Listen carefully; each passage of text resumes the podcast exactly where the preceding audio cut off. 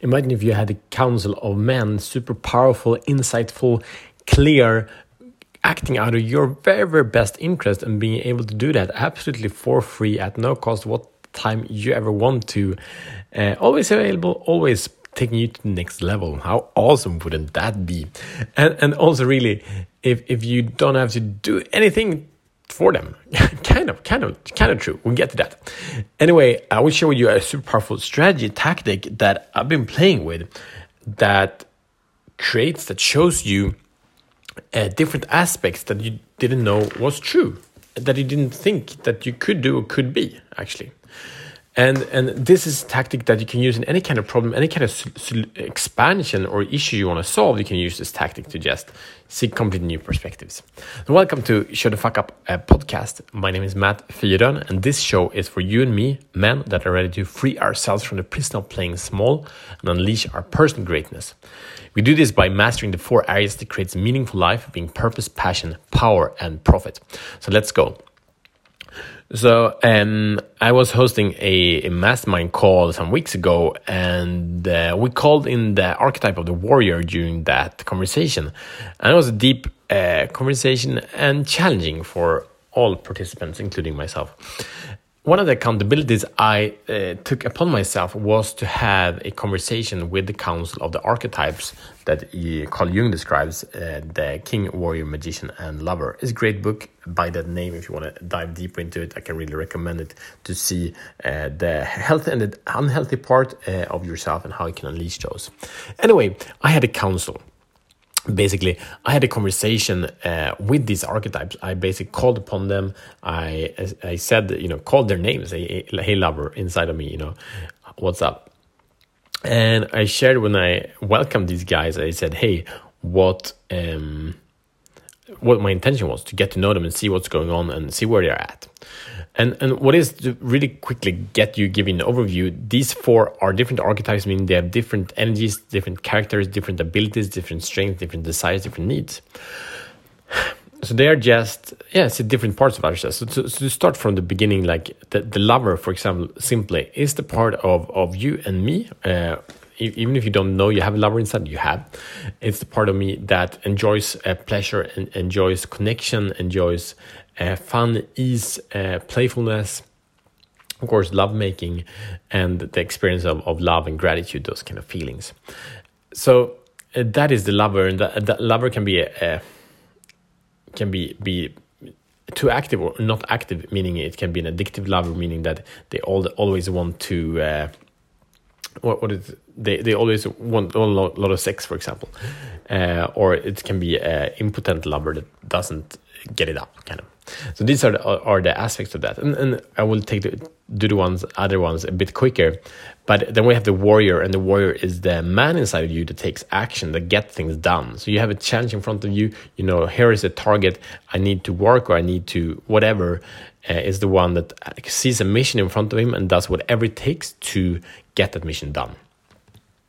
And then we have the magician. A magician is a man inside of you, inside of me, that transforms things. He takes, makes something out of nothing, and he can do that through uh, science, and he can do that through ceremony. So, for example, computer science is a way to, you know, you just put some code in, and then you get a program. That's a transformation. That's um, that's magic. And we also have the ceremony space where we can kind of travel in our in our minds or in the consciousness and experience different worlds and perspectives that we didn't know was there. And then we finally, and the final archetype is the king, and the king is uh, is, is the king of, of these four archetypes. He's the ruler. He's the one that creates the kingdom, that sets the, the rule, the vision, and checks in and evolves, and, and actually orders uh, these other guys what to do. And of course, as many of us are, including me, I don't really like these leaders being told what to do, and a lot of guys has that issue and not willing to be in accountability and so on and so forth. But here is the, the, the opportunity to actually take care of these conversations. So part of what I did, I asked two main questions to each and every one of these these uh, archetypes. And what's so fascinating that they all give so different answers. You have no idea how different the answers are. So I asked the questions like, "What do you want to give?" So asked the lover, "What do you want to give? How can you serve me and, and my world. And the second question was, what do you need to give that? Right? So because these all archetypes have have different gifts and they have different needs to be able to be at their full potential. What's very common is that we have inner conflicts between these archetypes, meaning that they cannot serve at their highest potential because they feel limited, they don't feel cared about, and so on. This might feel weird to you if you haven't done this before, uh, but I can tell you that you have a huge untapped potential, and, and by starting to have these conversations, you will be so uh, free and clear. So, I asked each of these archetypes one by one. You can't have it like table conversation. You need to like specific being charged like lover, hey lover, uh, what you need. And my lover was very clear. We shared some things uh, of each, and, and, yeah, what you also can do, of course, I asked them in general, but you can also ask them for a specific issue. So then, my lover needs time for for space for relaxation and fun and adventure. Um, and wants to to give me experiences of ecstatic exploration and pleasure. Oh yeah, bring it on. And then we have the warrior.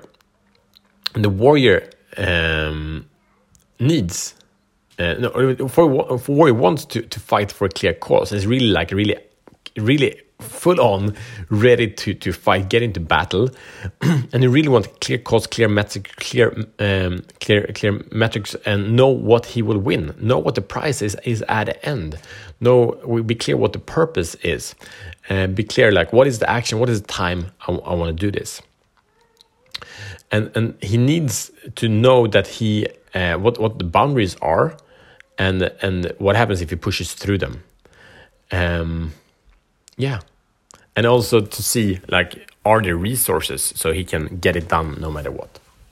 The magician uh, in my conversation uh, he wants to experience stillness in nature uh, listen to the wind and, and, invite the knowing of the nature. And um, what you want to give is uh, oh no, no that's what he want to give.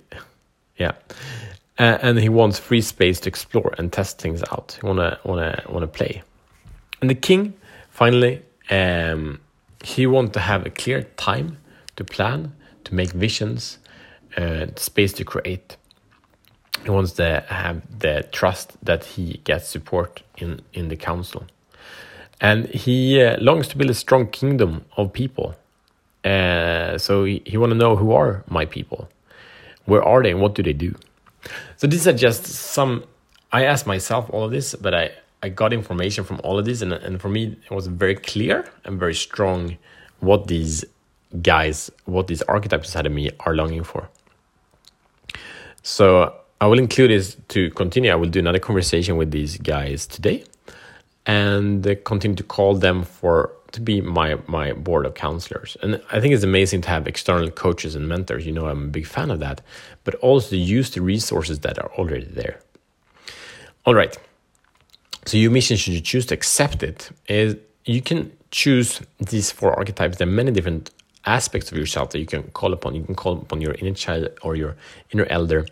But I invite you to to create a situation where you call upon the wisdom, knowledge, experience, insight, desire from different aspects of you and see the richness of yourself. See the knowledge that is already there and, and just receive it and then I invite you to take action because all these guys they they speak up, but if they don't get seen and heard, they will stop showing up because you don't show up for them. It's like just like in a relationship.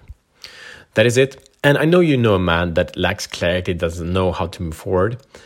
And I invite you to share this episode with him so he can level up and free himself from the prison of playing small just as you do.